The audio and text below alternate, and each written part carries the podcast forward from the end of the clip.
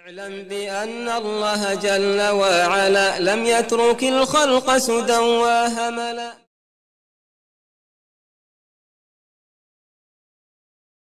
بسم الله الحمد لله الصلاة والسلام على رسول الله استعين بالله لا حول ولا قوة إلا بالله. اللهم لا سهل إلا ما جعلته سهلا وأنت تجعل الحزن إذا شئت سهلا. اللهم أرنا الحق حقا وارزقنا اتباعه. وارنا الباطل باطلا وارزقنا اجتنابه ولا تجعل الحق ملتبسا علينا فنضل. اللهم آت نفوسنا تقواها وزكها أنت خير من زكاها أنت وليها ومولاها برحمتك يا أرحم الراحمين. ربنا لا تزغ قلوبنا بعد إذ هديتنا وهب لنا من لدنك رحمة إنك أنت الوهاب. اللهم اجعلنا هداة مهتدين غير ضالين ولا مضلين يا أكرم الأكرمين. اللهم يسر ولا تعسر اللهم بارك وتمم بالخير أما بعد Sva hvala, zahvala i pohvala pripadaju samo Allahu, gospodaru svih svjetova, savršenom, koji jedini mora i smije da bi bude obožavan. Salavat i salam na Muhammeda sallallahu aleyhi ve selleme, pečeta svih vjerovjesnika i poslanika, najboljeg od poslanika, kojeg Allah subhanahu wa ta'ala posla muslimanima, posljednim ljudima i džinima do sudnjega dana i onima koji mu se odazovu i učini time najboljim umetom.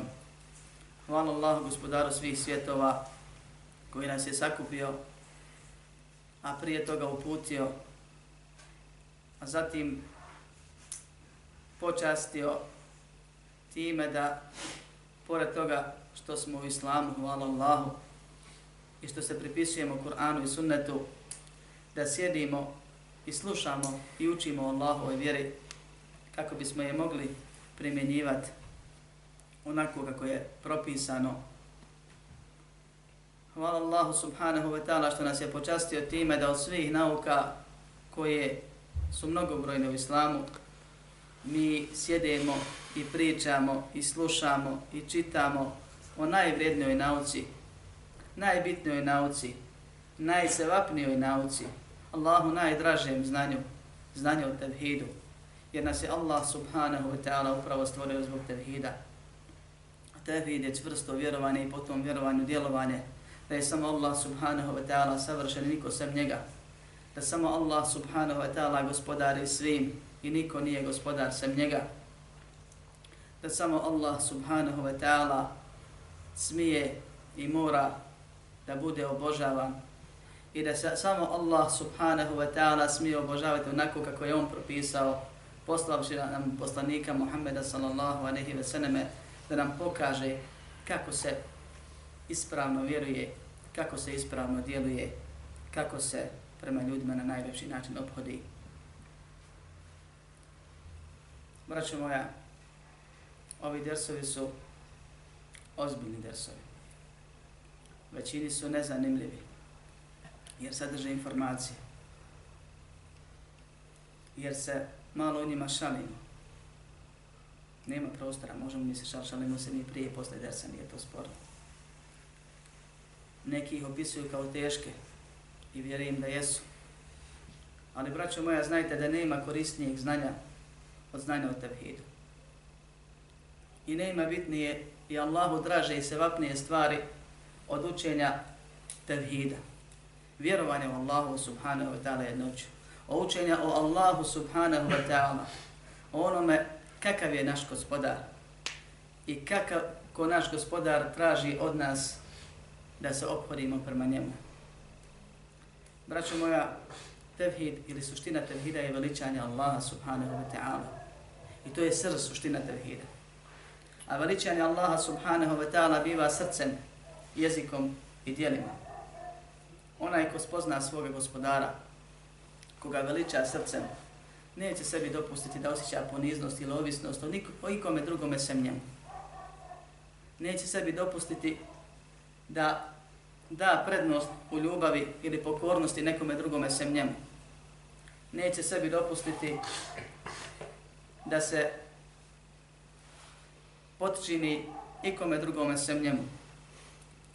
Onaj ko spozna da je Allah gospodar, automatski zna da Allah subhanahu wa ta'ala jedini koristi i šteti.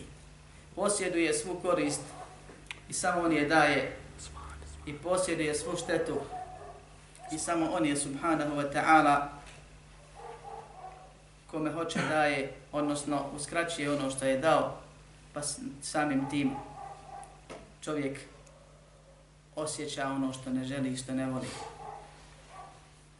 Onaj ko zna da ga je Allah subhanahu wa ta'ala stvorio radi ibadeta, trudit će se koliko može da ibadeti Allahu subhanahu wa ta'ala onako kako je propisano, a to podrazumijeva da mora sjesti i naučiti i da se mora sa svojim nefsom boriti i sa šetinima ljudskim i džinskim boriti, da iz, uradi, da ispuni, da izvrši, da ustraje, da na tome ako Bog da preseli, a prije svega toga će se samo na Allaha usloniti i njemu moliti da ga učvrsti i pomogne u svemu tome. Onaj ko veliča Allaha subhanahu wa ta'ala jezikom, neće sebi dopustiti da kaže Bog i doktor, jer je to mali širk, veći od velikog grijeha. Allahu mrži i tebi i meni teži na ovom i na onom svijetu. Jer grijesi prave probleme na dunjalku i na ahiretu. Gresi su teški na ovom i na onom svijetu i otežavaju život čovjeku. Onaj ko Allaha veliča jezikom, pazit će kako se obhodi. I Allahove blagodati će samo njemu pripisivati. Neće sebi dozvoliti da pripisuje nešto što mu samo Allah može i što mu je samo Allah dao nekome drugome sem njemu. Onaj također ko Allaha veliča jezikom pazit će da i zaštitu i nedaće i sve druge stvari da se izražava u tim situacijama kako je Allah subhanahu wa ta'ala zadovoljan da ne rasrdi svoga gospodara pa samim time izazove još jedno iskušenje i još veći belaj neće reći šta sam ja Bogu zgriješio. Neće reći ne do Allah, to ni Bog ne zna. Neće reći ovo ili ono što je poznato u riječima mnogih, pa i oni koji se pripisuju Kur'anu i, sunnet, Kur'anu i sunnetu, a radi se o dijelima koja su mali širk ili veliki kufr, ili mali kufr. Ne izvode izvjere, ali su opasni od velikog grijeha također onaj ko Allaha subhanahu wa ta'ala spozna pa kako, kako treba veliča, pazit će i na svoja djela. Braćo moja, mi živimo na dunjaluku koji je sam po sebi kazne i iskušenje. Allah nime Adema kaznio, a nas nime iskušao. Da nas iskuša ko će od nas bolje, to jest iskrenije i ispravnije postupati ono što te koči na putu ka Allahu subhanahu wa ta'ala su grijesi koji su u jednom od dva oblika ili nepotpuno izvršavanje onoga što je Allah subhanahu wa ta'ala naredio ili činjenje onoga što je Allah subhanahu wa ta'ala zabranio jedno i drugo srdi naše gospodara jedno i drugo prlja i crni naše srce jedno i drugo otežava naš život i pravi nam probleme. Jedno i drugo vuče za sobom drugi grije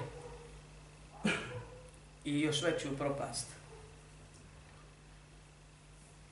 Od stvari koje čovjek treba činiti kako bi se trudio da na ovom svijetu bude očišćen od greha, pored te obje koja je obavezna, a nije svako u stanju da je u potpunosti iskreno učini, je istigfar ili traženje oprosta. A treća po redoslijedu po jačini ovih stvari je od onih dijela koja čovjek može činiti, je činjenje dobrih dijela. Jer dobra dijela brišu grijehe, kao što grijesi brišu dobra djela. A koje je najbolje dobro djelo? Tevhidu Allaha subhanahu wa ta'ala. Da spoznaš što više, pa ga se bojiš još više. I veličaš ga još više, pa kontrolišeš svog jezik, svoj jezik nakon što si već navikao svoje srce, a onda primoraš svoje tijelo da mu bude pokorno. Kaže Allahu poslanik sallallahu alejhi ve sellem spominjući govor Allahu hadisu kutsiju da je rekao jebne Adam لو أتيتني بقراب الأرض خطايا ثم لقيتني لا تشرك بي شيئا لأتيتك بقرابها مغفرة O sine Ademo, kad bi mi došao sa grijesima koji su ispunili zemlju, a zatim me sreo na ahiretu, nikakvog mi oblika širka nisi učinio, dakle ni malog ni velikog. Ovdje se ne odnosi na veliki širk, nego na mali. Čuvo si svoj jezik od ovih stvari, nisi prelijeto, nisi htio, nisi govorio šta hoće Allah i taj i taj bit će, nego si koristio onako kako treba. Nisi rekao donijela nam je jesen kišu, nego si koristio izraz koji je propisan. I mnoge, mnoge druge stvari koje mi ne znamo, jer nismo učili, naučili. A kad naučiš, onda treba vremena da se istreniraš pa da se paziš. Jer ti gresi su opasni i teški, to je skriveni širk. Ne izvodi izvjere, ali težak je opasan. Allaha srdi, a nama probleme pravi. Pored toga što svakako nisi obožavao s nikoga sem Allaha subhanahu wa ta'ala, e, ko Allaha sretni je takav, sačuvan i pokajao se i preselio u stanju u kojem pri sebi nema velikog niti malog širka, kaže Allah uzvišenje da etek tuke bi kurabiha malfireh Došao biti sa oprostom koliko je cijela zemlja. Koliko god grijeha učiniš, ja ću ti oprostiti. Nemoj širka činiti. U pitanju Allahu poslanih sallallahu alaihi wa sallam hadis koji biže Bukharija, Men es'adu nasi bi šefa'atke, ja Rasulallah, pita ga Ebu Hurere. Pa kaže poslanik sallallahu alaihi wa sallam, znajući stanje onoga ko pita. I mislio sam da me niko drugi neće pitati, osim tebe ovo bitno pitanje. Pa kaže, es'adu nasi bi šefa'ati, najpreći ljudi. Oni koji će se najviše radovati, jer će ga prvi dobiti i bit će primljen, ako Bog da. Zato se kaže najpreći prevodi, iako znači tamo najradosniji svodno značenje koje je ciljano. Ljudi po pitanju mog šefaata men kale la ilaha inna Allah khalisan min qalbihi nas. Ko kaže nema Boga sem Allaha iskreno iz srca. Što podrazumijeva da je ispunio sve one uvjete šehadeta koji bi čovjek trebao da zna u po dana u po noći. Al ilmu, al jaqinu, al qabulu, al inqiyadu, al sidku, al ihlasu, al muhabbe. Znanje, ubjeđenje, prihvatanje, primjene, držanje, primjenivanje, iskrenost, da ne laži, iskrenost, ona druga, da širka pri sebi nema, da ne bude la ilaha ila Allah, pa se kad, kad neki belaj nastane, ode i obrati sihrbazima da mu uklone belaj.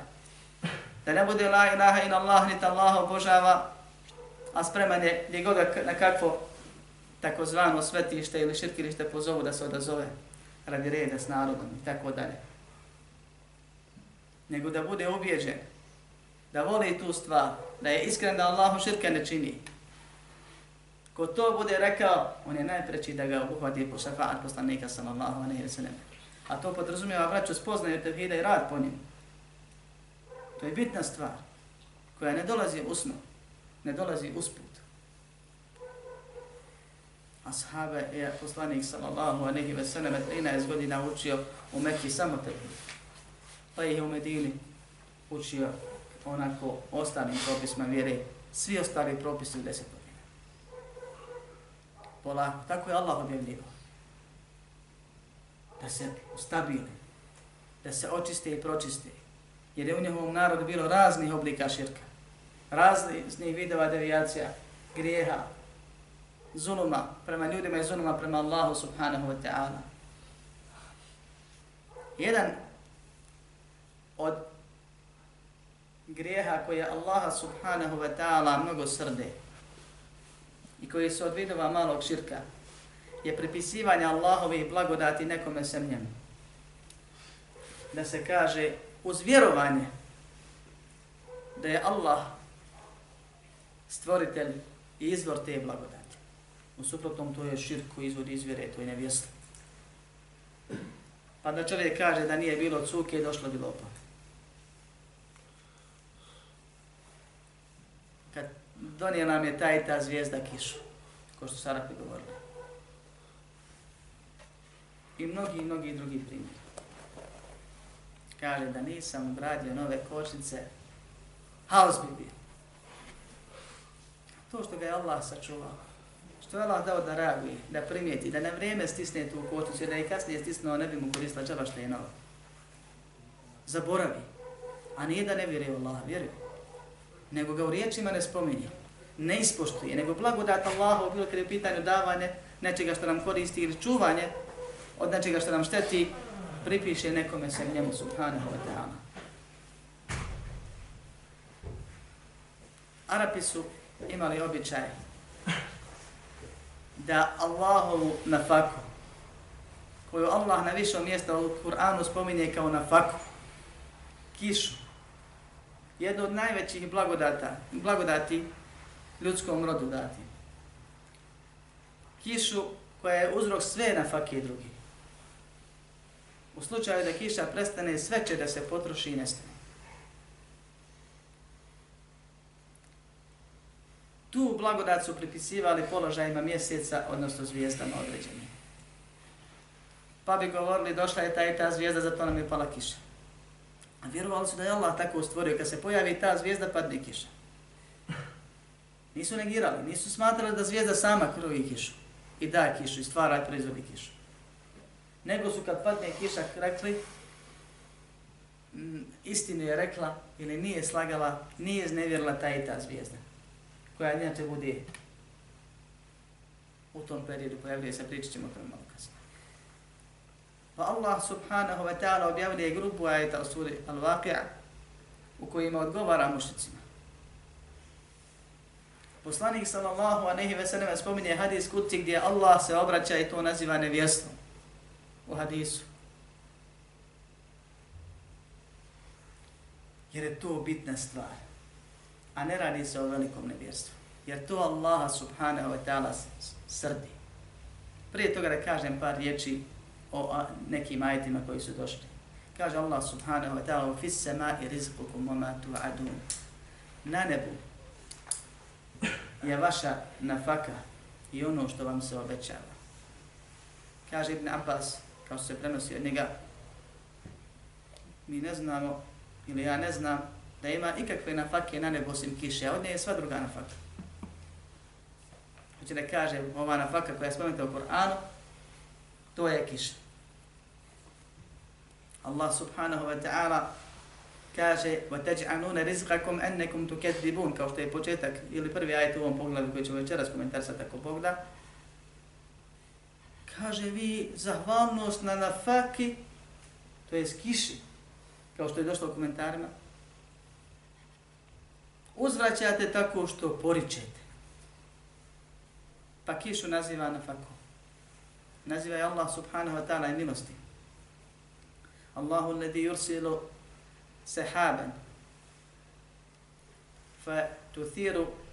Allahu alladhi yursilu ar-riyaha fa tuthiru sahaban fa yabsutuhu fi as-sama'i kayfa yasha' ويجعله كسفا فترى الودق يخرج من خلاله. فإذا أصاب به من يشاء من عباده إذا هم يستبشرون وإن كانوا من قبل أن أن ينزل عليه من قبله لمبلسين. فانظر إلى آثار رحمة الله كيف يحيي الأرض بعد موتها إن ذلك لمحيي الموتى وهو على كل شيء قدير الله je taj koji šale vjetar, koji sakupi oblake, pa ih raznosi kud hoće, a neke u naslagama jedne na druge složi da budu veliki, puni vode, Allah zna koliko kubika vode ima gore. Sve na jednom mjestu. Pa da je, kaže da ta voda u kaplicama silazi. A moga je sve to da prolije pa da nered nastane, haos. Da sve pobije. Samo jednim oblakom kad bi ga jednom ispraznio.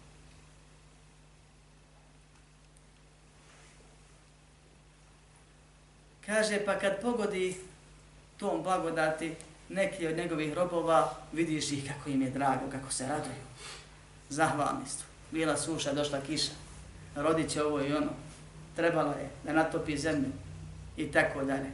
Wa in kanu min qabli an yunzala alayhim min qablihi namublisin. A prije toga su bili već izgubili nadu. A vjernici ne bi smjeli da gube nadu Allahom milosti. Kaže Allah subhanahu wa ta'ala, pogledaj tragove, posljedice, rezultate Allahove milosti. kako oživljava mrtvo, kako daje da postane živo ono što je bilo mrtvo, kako zemlju iz mrtve u živu pretvarao. Živio sam devet godina, hvala Allah, u Medini. I znaju neka braća koja se malo prilike da me posjete, otprilike boravi ste mi bilo u dijelu grada koje je okruženo sa dvije ili tri strane brdima. Ne vidiš travke, a kamo ni drve. Sjećam se jedne godine, samo šest dana je padala kiša uzastopno i to nije bila plahoraka. Kad su se razišli oblaci, ona ista kamena smeđa, siva, užarena, brda, zelena. Nije to, braćo, gusta trava kao kod nas. Kad dođeš, vidiš ti da je to trči, trči pa travka, što bismo rekli. Ali kad gledaš iz kuće, Allaha mi zelena. Isti sam slučaj imao prilike na hađu jedne godine. Bila je kiša dva, tri dana prije hađa, pa smo otišli na hađ. Prilike pet dana, pa kad smo se vraćali, svo vrijeme je padala kiša, pustinja. Ista ona žuta pustinja, izgorjela koju smo prošli, zeleni se. I to se osuši za dva, tri dana nakon toga jer nema više kiše. Allah ti pokaže kako iz mrtvog izvodi živo, iz kamena travu. Da potraje duže, nažalost, bi svašta nešto. I ne darike ne mogu mauta, ta je u stanju da oživi mrtve, na isti način. Wa huwa ala kulli shay'in qadir, on je onaj ko sve može. Allah subhanahu wa ta'ala ljudima daje blagodati raznorazne i traži od nas da budemo zahvalni. I posebno poglavlje u knjizi Tevhida, ako Bog da će doći o zahvalnosti na blagodatima i pravilima vezanim za to. A ono što mi trebamo da znamo uvijek, da čovjek mora biti zahvalan srcem, jezikom i dijelima. Tako što će smatrati da je svaka blagodat od Allaha, to je srcem. Tako što neće sebi dozvoliti da riječima pripiše blagodat nekome sam njemu, da njega ne spomeni. Onako kako je propisano, to je jezikom i tako što će se truditi da sve Allahove blagodati koristi u pokornosti njemu, kako ne bi bio kažnjen kako mu se ne bi grijeh upisao i kako ne bi tu blagodat Allah od njega uzeo i povukao. Jer sve su to rezultati nezahvalnosti. Kada šejh rahimahullah, babu ma džae fil istisqa'i bil anwa, poglavlje o tome šta je došlo o traženju kiše od zvijezda ili preko zvijezda. O čemu se radi onome na što sam malo prije ukratko kazao, to je da su Arapi imali običaj da prate položaje mjeseca. Mjesec tokom godine prođe kroz 28 svojih položaja, mijenja mjesta. Na svakom od tih položaja nalazi se zvijezda pojedna koju ljudi znaju i prati. Svaki puta na nebu postoje 14-14 se ne vidi. Ali za tom kogom godine oni stalno ponavljaju. Kad se jedna pojavi, druga zađe. I Arapi su vjerovali da te zvijezde su one koje je Allah učinio da daju kišu. A zato vjerovanje nisu imali dokaza.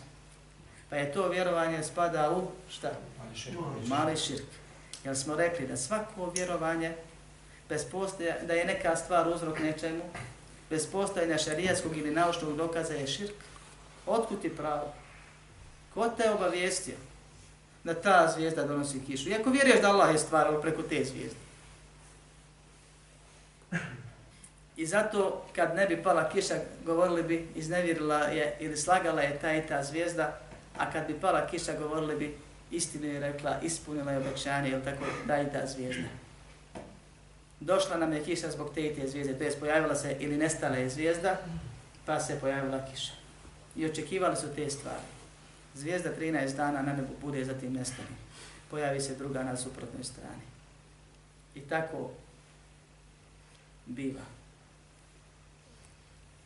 nakon i na tom mjestu to su jedno položaje znači mjeseca. I oni koji su time bavili, ono stačno znali te zvijezde i vidi kad je nema, jer to je bio običaj kod njih na kraj krajeva i znali su gledali te stvari i vidi i ostalo i računali su mnoge stvari preko toga i govorili smo o tome u prošlom predavanju. Da izučavanje nebeskih tijela je korisno koji iz naučnih razloga, iz čarijskih razloga koristi pri orientaciji, koristi pri određivanju kible, koristi pri mnogim drugim stvarima vezanim za vremenske uslove i tako dalje, Ali, vjerovanje da nebeska tijela utječu na nešto na zemlji samostalno je nevjerstvo. Opićivanje dove nebeskim tijelima je širk, veliki koji izvode iz vjere, da daju to što oni vjeruju da traže. Vjerovanje da su nebeska tijela uzrok nečemu bez postojanja šarijaskog i naučnog dokaza i mali širk koji je zabranjen, koji je Allah subhanahu wa ta'ala srdi. I I nakon tog pogleda šeh dolazi s ovim poglavljem, konkretno u pitanju koje je bilo rašireno kod Arapa. Do te mjere da se mnogi ashabi s poslanikom sallallahu aleyhi ve selleme u borbama na hađu, na omri, znali su da kažu kad vide kišu, eto istine je rekla taj ta zvijezda ili došla je zbog te te zvijezde. Ostalo im to i žehlijeta. Pa je rego, reagovao i Allah i njegov poslanik subhanahu wa ta'ala sallallahu aleyhi ve sellem. Znači jedan dupla objava došla. Allah objavio ajete. Pa poslanik sam sam objavio da ukori ashabe kroz hadis kuci gdje je citirao Allaha subhanahu wa ta'ala. Je to širk, to nije mala stvar. Iako ne izvodi izvodi. Što opet govori o bitnosti izučavanja ovih stvari. Kaže šeheh, وقول الله تعالى وتجعلون رزقكم أنكم تكذبون Kaže Allah subhanahu wa ta'ala suri al-Waqi'a, kasnije na kraju poglavlja šeheh došao sa čitavim ovaj, predajom koja pojašnjava, pa ćemo odmah se vratiti ovaj, da dva puta ne govorimo o istoj stvari, a i radi vremena koje je već dobrano potrošeno. Kaže Allah subhanahu wa ta'ala فَلَا أُقْسِمُ بِمَوَاقِعِ النُّجُومِ وَإِنَّهُ لَقَسَمٌ لَوْ تَعْنَمُونَ عَظِيمٌ إنه لقرآن كريم في كتاب مكتوم لا يمسه إلا المطهرون تنزيل من رب العالمين أفبهذا الحديث أنتم مدهنون وتجعلون رزقكم أنكم تكذبون kunem se položajem zvijezda ili mjeseca, zavisi tumačenje lista stranak. Kraju se vraća. A to je, kaže, velika zakljetva. Allah se kune čime hoće. A to je nama bitno jer su oni prema tome određivali vremenska doba i orijentiralo se pri, pri kibli, pri putovanjima i nekim drugim stvarima. Dugove tako obilježili do te i te zvijezde, ćeš mi vratiti dug i tome slične stvari. Zatim Allah subhanahu wa ta'ala odgovara mušicima i kaže da je to Kur'an, da je taj Kur'an plemenit, je Mubarek, kogod ga čita, uči, primjenjuje, razne koristi doživi i dobije da je on zapisan u knjizi koja je pomno čuvana, koju ne diraju osim onih koji su sami po sebi čisti. Da je to objava gospodara svjetova. Za s ovim, kaže govorom, vi trgujete po jednom tumačenju. Zar njega vi omalovažavate, potiskate i smijavate se s njim? Mijenjate ga za nešto što malo vredi. وَتَجْعَنُونَ رِزْقَكُمْ I ovdje je bitno zbog ovoga dijela kaže i na faku vašu ili zahvalnost na nafaki koju smo vam propisali, to jest na kiši, ste zamijenili poricanjem.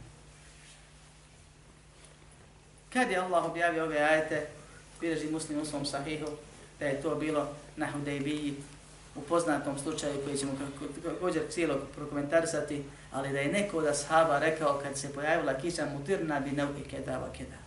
Došla nam je zbog te i te zvijezde. Jer su prenoćili kiša je padala. Pa je Allah objavio te i te ove ajete. I u ovom ajetu je dokaz da je kiša na faka. Da se na nafaki i bilo koje drugoj blagodati mora zahvalan biti. Da je nezahvalnost kufr, jer Allah kaže poričete, negirate, to jest ne vjerujete da taj kufr nije kufr koji izvodi iz vjere, nego je to mali kufr, da ima kufr koji izvodi i kufr koji ne izvodi iz vjere. Ali da je to opasna stvar. Jer Allah za druge grehe ne kaže, neke druge grehe ne kaže poričete, negirate, ne vjerujete. Ne kaže zulum činite sebi, i tome slično. Dok ovdje kaže ne vjerujete. U hadisu još direktnije kaže se, u hadisu kuciju. Da je bitno na čovjeku da bude zahvalan i da blagodati pripisuje samo Allahu subhanahu wa ta'ala. Od Ebu Malika al-Aš'ari al-Harith ibn Haritha al-Shamija se prenosi da je poslanik sallallahu alaihi wa sallam rekao Arba'un fi ummeti min amri al-đahilijeti la yadrukuna hunni. Četiri stvari u mom ummetu su džahilijet. ostale su, kaže, iz ploba džahilijeta i neće ih ostaviti. To jest, uvijek će biti neko od umeta Muhammeda, sam sam od muslimana, od vjernika, koji će pri sebi imati jednu ili sve od ovih, ove osobe. Ne kaže od džahilijetskog doba. Džahil je onaj ko ne zna. Džahilijet je doba neznanja. Koristi se, braćo moja, u šerijetskoj, pa i u jezičkoj terminologiji, terminologiji za onoga ko je živio u predislamskom dobu ili onome ko živi sam po sebi neislamskim životom i također se upotrebljava za svaki vid suprostavljanja Allahom subhanahu wa ta'ala šarijetu. Svaki vid grešine, sve što je suprotno šarijetu je džahilijet, džahil. Nešto što je loše, što ne valja. Što posjeća na paganska kodoba. I zato je ispravno, makar bilo oni koji tvrde suprotno, da se period kad se neki momak u Bosni ili bilo gdje u svijetu vrati i vjeri da se kaže bio je u džahilijetu I da se oni koji nisu u vjeri, nisu spoznali svoj gospodare, nisu poznali pravi put, mogu nazvati džahilima. I mogu se nazvati zabludjelim jer je Allah u Kur'anu džehl nazivao i naziva zabludom. Allah subhanahu wa ta'ala poslaniku prigovara sallallahu alaihi sallam i napominje وَوَجَدَكَ ضَالًا فَهَدَا Zar nisi bio u zabludi pa te je uputio? Znači moj poslanik bio u širku? Nije. Je li bio kufr? Nije. Je li bio neke vjere sve musliman da je radio Allah u stvari tijela kufra? Nije ni prije islama. Allah kaže bio u zabludi. Kažu učenjaci, nije znao pravi put. I svako onaj ko ne zna šta je pravi put je u zabludi, on je džahil. Neznamica. I svako onaj djelimično u svom životu koji ne zna neku stvar po tom pitanju je džahil. To nije nikakva neobična stvar da se mora da buni, da se nađe uvređenim i tako dalje. I svako onaj ko svjesno ne primjenjuje neku stvar ima u sebi džehla. I to je džehl kad se desila svađa među dvojicom ashaba, pa jedan drugom uvrijedio majku. Šta mu je poslanik sallallahu alaihi sallam rekao? Neke imru on fike džahilije. Ti si čovjek ima od tebe džahilijeta. Jer je koristio tu ono što muslimani ne koriste, a oni predislamski su koristili. I džahilijet i kad Allah subhanahu wa ta'ala ili poslanik sam sem kaže da je neka stvar džahilijet, džahl, Ono su vina džahilijeta, to znači da je ta stvar loša, da je ta stvar zabranjena, ali ne znači nužno da je to nevjerstvo. Kao što je primjer ovim grijesima koje spominje. I dokaz je ovaj hadis. Kaže, od mog umeta će biti ljudi koji će raditi četiri stvari neće ih ostaviti. One su stvari koje vuku korijen iz doba džahimijeta. Al-fahru bil-ahsab. wa ta'nu fil-ansab vastisqa'u bil anwa wa nijah. Kaže to su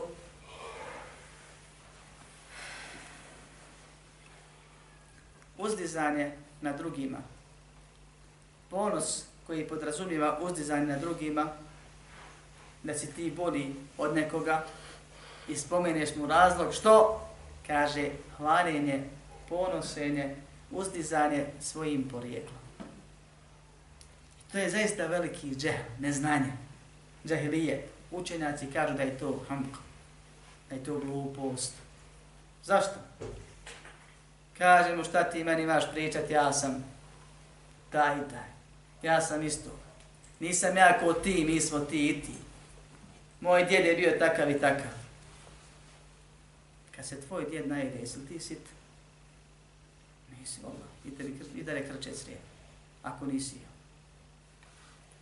koji tvoj djed klanio, a ti nisi klanio tvoj djeć, ako voda kata do džennet, a ti neće dženneta vidjeti. Ako presediš, ne pokaješ se na to. Od toga. Presediš na tome. I svaka druga stvar koju je tvoj djed uradio, sjećam se jedne prilike, prije skoro 20 godina, bio sam prisutan jedno, jedno slastičarno gdje je neki odbraće sjedio sa nekim poznatim momkom iz te ulice i pričao mu o vjeri. I odlazi brat svojim putem, dolazi drugi i kaže ovaj njemu, ma ja bio ovaj papak malo prije, nešto mi je pričao ili pametovo, zaboravio sam tačno, šta on meni ima pametovat, a moja nena je klanjala šest vakat namaza. Hvali se i ponosi svojom nenom. Vrijeđa onoga koji je došao da ga poziva ovjer i naziva ga ružnim imenom. A sam jadnik ne zna ni koliko namaza ima. I misli da je bolji od njega. Allah zabranio nama da se ponosimo i da drugima prigovaramo za svoje dobra djela koja smo radili. Kako je tek za tuđat koji nikakve koristi nemaš? Pa kaže moj djed bio takav i takav šta ti meni ili ja ovo mi smo bolji, mi smo ti i ti. Mi smo od uvijek bili takvi i takvi. Mi smo iz čaršije i tako neke druge stvari. To su džahilijetske stvari, Allah je zabranio i prezire.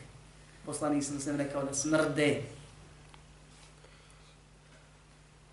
I onaj koji ih pri sebi ima treba da se pokaje i čisti. Jer su to veliki grijesi. Druga je vređanje drugih. Al ta'nu fil ensar. Vređanje tuđeg porijekla. Vidi ga, kaže, vratio se vjera, njegovi su od uvijek bili takvi i takvi. Djed mukro roza hođi, a on sad klanja pet vaka. I tome slične stvari. Svašta ima, vjerujte mi, ljudi se vade, kad se tope, za slamku se vade. Da mu je kako da nekoga ponizi, jer mu je ovaj došao sa dokazom, ne može da se odbrani. pa kaže šta kaže. Ko da je on kriv što je djed bio takav? Ako je djed bio loš, djed će od džahenne. Djed će odgovara svoje djelo. Ali odnosu tebe i njega, on je bolji od tebe. To je jedna vrsta da vrijeđaš ljude šta, kakvi ste gori, vi ste ovakvi, vi ste od bili doni, vi ste ne znam nija šta. A druga, drugi oblik vrijeđana tuđeg porekla je da kažeš da je on podmetnut, da se lažno pripisuje tim. Ako je čovjek dobrog porijekla, pa ne može da mu kaže tvoji su takvi i takvi, nego kaže tebe su posvojili ili nešto krupnije od toga nije zadesio i tako da. To su haram, zabranjene stvari u šerijetu. Treća je, kaže poslanik sallallahu aleyhi ve sallame, traženje kiše preko zvijezda, to jest pripisivanje dolaska kiše iz zvijezda. Četvrta stvar koja je prisutna, Vidimo je, kao što vidimo i ovdje. Ali vidimo je i u našim krugovima. Je naricanje. Glasan plać prilikom smrti. Uspominjanje njegovih osobina. A ako ušto prate još više dijela, čupanje kose, čupanje odjeći, udaranje po glavi i tome slične stvari. Poslanik sallallahu alejhi ve selleme kaže Innal mayyita la yu'adzabu bi buka'i ahlihi alayhi. Mejit će biti kažnjavan zato što njegova porodica plače za njim. Pa su učenjaci trude da objasne kako to kad je poznato da čovjek neće biti odgovoran za dijela drugih ljudi, kako ovdje sad da bude kažnjen za grehe drugih ljudi, kažu zato što ih nije podučio. On je tome uzrok. ti si glava kuće, Allah te počastio i bit ćeš odgovoran ako ne podučiš. Reci im fino, ako neće da slušaju propise, reci mu fino dvije stvari. Prvo, pusti šta će narod reći, jer je prisutno da ljudi u najmlju narikače. Ili da namjerno glasnije plaču kako ne bi komšije rekli nije mu žao djeteta. Ili tome slična stvar. Prvo mu reci da nije bitno šta će narod reći i drugo, ako nećeš radi sebe. Nemoj radi mene, ako ja presnim da ja se budem pat, pačen. Ako me zaista voliš, nemoj mi patnju povećavati ili uzrokovati. I ovo je jedan od posebnih velikih grijeha. U ovom hadisu poslanik sallallahu alejhi ve sellem spominje četiri grijeha. Treći je bitan i o njemu govorimo i zato ga je šejh spomenuo ovdje, a to je traženje kiše preko zvijezda. Ali samo za četvrti spominje ahiretsku kaznu. Jer neke osobe, ako ih dobro ne zastrašiš, neće se povratiti. Ima ljudi dobro da ga podučiš, da mu kažeš, pa kaže ti Allah te nagradi. Ima ih, moraš da ga postičeš nagradom Evo govoriš o džennetu, o lijepim stvarima, o milosti. Ima ih, ne pali se. Osim ako ga zastrašiš. A s obzirom da je naricanje najčešće prisutne kod osoba ženskog spola, nije ograničeno samo na nje. Kaže Allahu poslanik sallallahu alaihi wa sallam وَالنَّائِحَ إِذَا لَمْ تَتُبْ تُقَامُ يَوْمَ الْقِيَامِةِ وَعَلَيْهَا سِرْبَالٌ مِنْ قَتِرَانٍ وَدِرْعٌ مِنْ جَرَبٍ Ona koja se bavi narečanjem, bilo profesionalno ili koja ima tu osobinu kod, kod sebe, i to spominje u ženskom rodu, jer je to najčešći slučaj. A isto tako i muškarac koji voli da se opusti u tim žalostnim situacijama, pa ne kontroliše sebe i svoje plakati je dozvoljeno. Tiho, normalno. Pustiti suzu je normalno. Poslanik sallallahu alejhi ve sellem plaka. Ovdje se govori o glasnom plaću i o djelima nekim pravljenjem scena, što bismo rekli. I spominjanju lijepih osobina, ti si obskrivio, tu si donosio, šta ćemo sad bez tebe, ovako, onako, bio si dobar i, i to mislišne stvari. Ili neka od ovih stvari. Kaže, ako se ne pokaje narikača, bit će proživljena na sudnjem danu, na sebi će nositi halinu od katrana izbivena. Mnogi mi smo imali susret s katranom, ovako ili onako, kad, kad se istopi. A bit će prelivena, imaće o sebi, na sebi znači odijelo od katrana. Skrojeno pomjeri, onako kako se on zna najbolje da zalijepi. Katran kad se zalijepi na zdravu kožu, Boga mi može se slobno reći da je to nepodnošljivo. Wa dir'un min džereb. Imaće, kaže, štit od šuge. Pa se razvijeli vama da li će njena prsa, je to najčešće mjesto gdje se pravi štitovi, biti od šuge, ošugana, a ostatak tijela od katrana, pa će takva se pojaviti na sudnjem danu da vrišti u bolovima. Ili će prvo biti ošugana tom bolešću, pa onda pre, preko nje preliven katran, da boli još više. Jer sama bolest je problem i neugodna je i bol i sipanje soli naravno je uvijek problem i neugodna je. A niko ne kaže nema ko Allah. A nas Allah subhanahu wa ta'ala sačuva kazna. Ovo je grije spomenu za ovo je kazna spomenuta za ovaj grije. Ovaj hadis je dokaz da je pripisivanje kiše zvijezdama ili nečemu drugome, samo nekome drugome ili nečemu drugome, samo Allahu subhanahu wa ta'ala, stvar od džahilijetskih stvari, dakle zabranjena stvar. Ali nije odrađen stepen zabrane. Iz ovog hadisa ne vidimo je to mali grijeh, veliki grijeh. Za veliki grijeh se razumije to što je džahilijet. Ali je to kufr mali, veliki, šta je, kako je. Pa šeh dolazi sa drugom predajom koju bireže Buharija i Muslim u svoje dva sahiha. O Zaid ibn Khalda radijallahu anhu, da je poslanik sallallahu aleyhi ve selleme klanjao sabah namaz nakon noći koja je bila kišna na Hudejbiji, mjesto blizu Mekke, iz pravca Džide.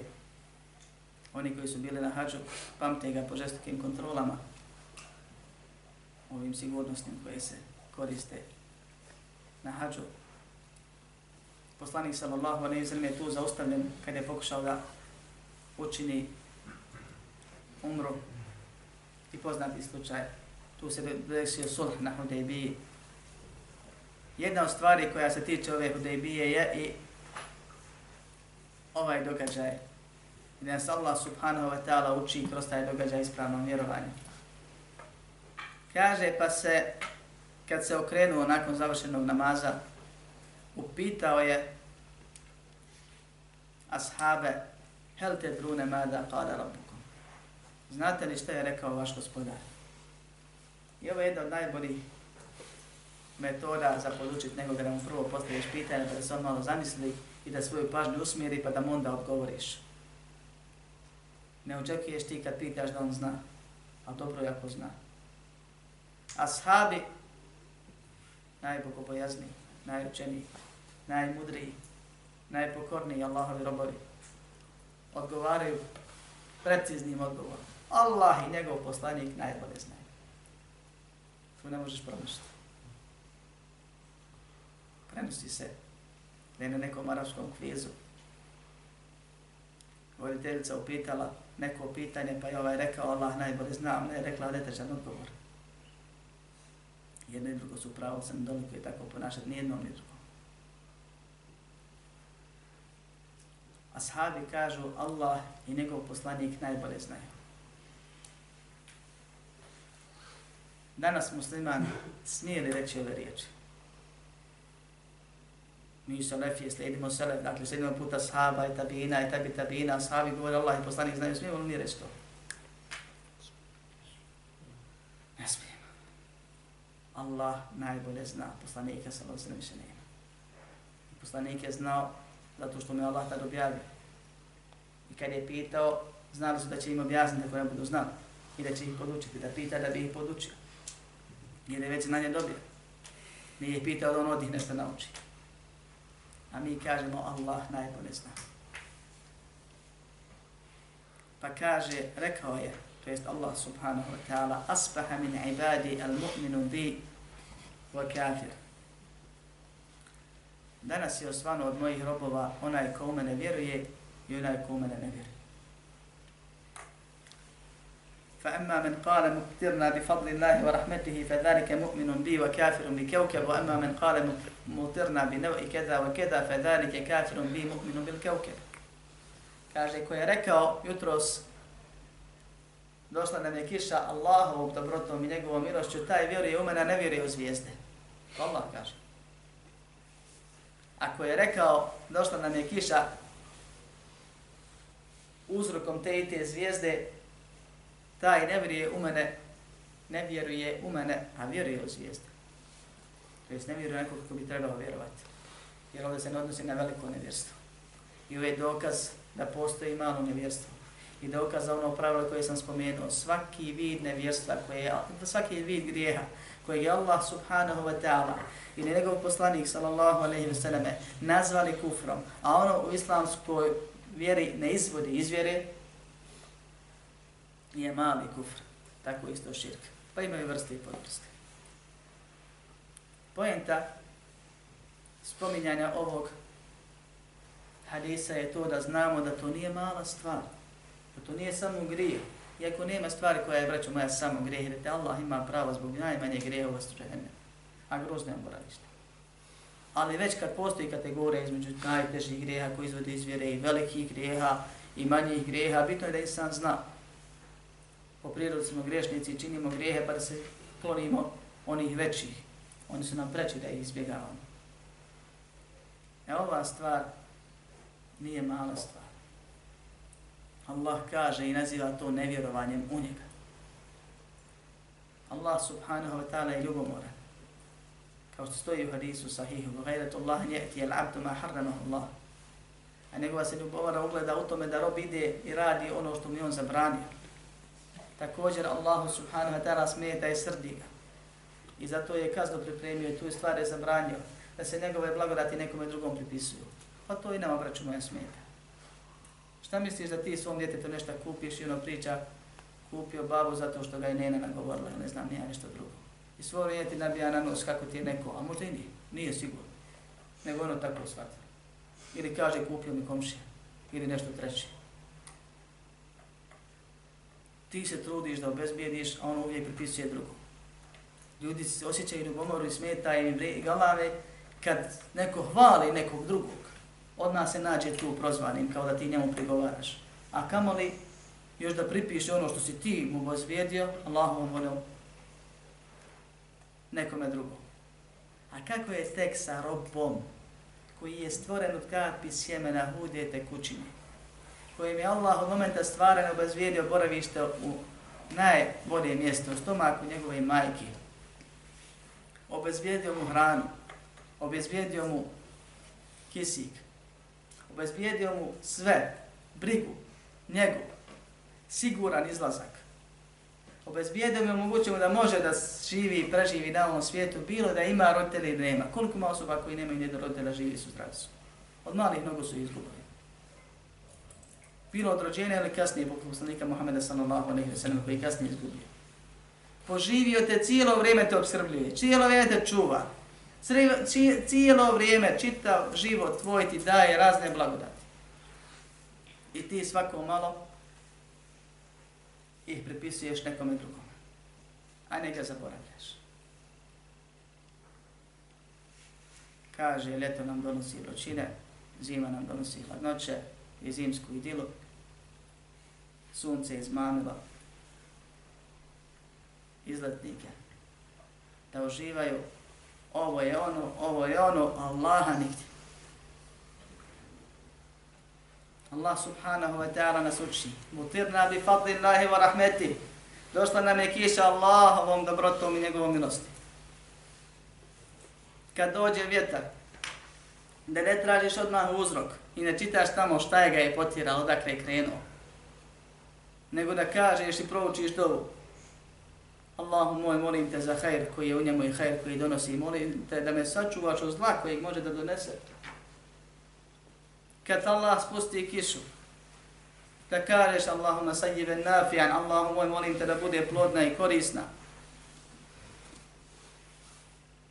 Sukja rahme, la sukja azab, neka bude kiša milosti, da nas napoji, a ne patni. Potopa, katastrofe, jedno i drugo dolazi na isti način. I u svim drugim stvarima da ti Allah subhanahu wa ta'ala prvo bude na pomoći. Neko te pomagao, neko učestvovao u tvojom liječenju, doktor. Allah dao njega da me pomogne. Allah dao da reaguje. Kaže, ne znam, nisam kako sam onim refleksima izbjegao suda. Reći Allah dao pa da reaguje. Sjeti se Allaha, pa on svim deta, svakim detaljem tvog života upravlja. Sve ti daje, od svega te čuva. A tu sjećanje na njega je dodatna blagodat kojom ti on održava te stvari i nagrađuje te. Suprot tome ga srdi i zabranjeno je.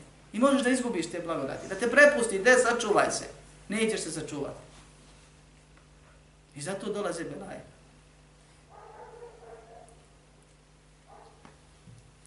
Traženje kiše preko zvijezda, tako nosi naziv ili od zvijezda, ima nekoliko svojih oblika. Prvo je da čovjek smatra da zvijezda sama po sebi stvara kišu, neovisno o Allahu subhanahu ta'ala, to je nevjerstvo, to govore oni koji u Boga ne vjeruju. Druga je da čovjek moli zvijezda da mu padne kiš, da, da im padne kiša ili da spuste kišu zato što vjeruje da su one uzrok, ili svejedno da im se obraća od ovom, to je veliki šir koji izvodi iz vjere. To je najstrožije zabranje.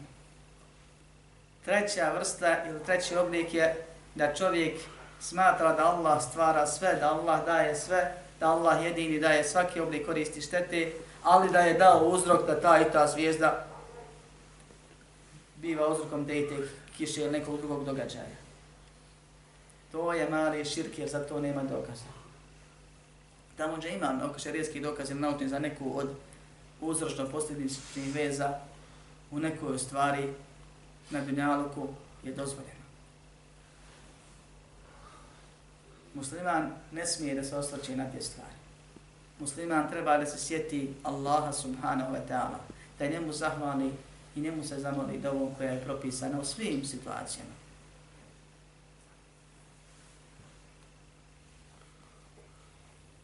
prepisivanje kiše određenim vremenskim periodima u kojima ili neki drugi stvari poput onih koje sam malo prije spomenuo kako zima donosi hladnoću i leto toplinu i tako dalje, je osnovi pokuđena stvar koju je preče izbjegavati. Bolje je usto reći da Allah daje tad te i te stvari. Jer se time ne cilja da je ona uzrok, nego da je to vremenski period kad Allah daje kišu, kad Allah daje snijeg, kad Allah daje toplotu, hladnoću ili neke druge stvari. A ako bi ciljao da je uzrok, vaća se na to da je mali širk. Jer nijet ima, igra najbitniju ulogu u riječima čovjeka. To su, to je srž onoga što nam je šeh kroz ovo poglavlje htio da poruči. Jer to direktno utiče na tevhid, na vejevanje Allahu subhanahu wa ta'ala, savršenstvo, gospodarstvo i pravo na ibadet. Na veličanje Allaha subhanahu wa ta'ala. Jer onaj koji je u nekoj od prve dvije situacije, taj je nevjernik onaj ko radi treću stvar, da vjeruje da neke stvari su uzrok nečega, zato nema dokaza, taj čini mali širk, srti Allaha, manjuje mu se njegov tevhid, a samim time i sreća na dunjalu koji uspjeh na ahiretu. Dok onaj koji postupa shodno šarijatu, a zato treba da se sjedne i da se uči, da se sluša i da se pita, cijeli svoj život, takav će ako Bog da, da se vremenom ustabili, pa da bude od onih koji srcem, jezikom i tijelom, onako kako je propisano, veličaju Allaha subhanahu wa ta'ala. Molim Allah da nas pomogne na tom. Amin.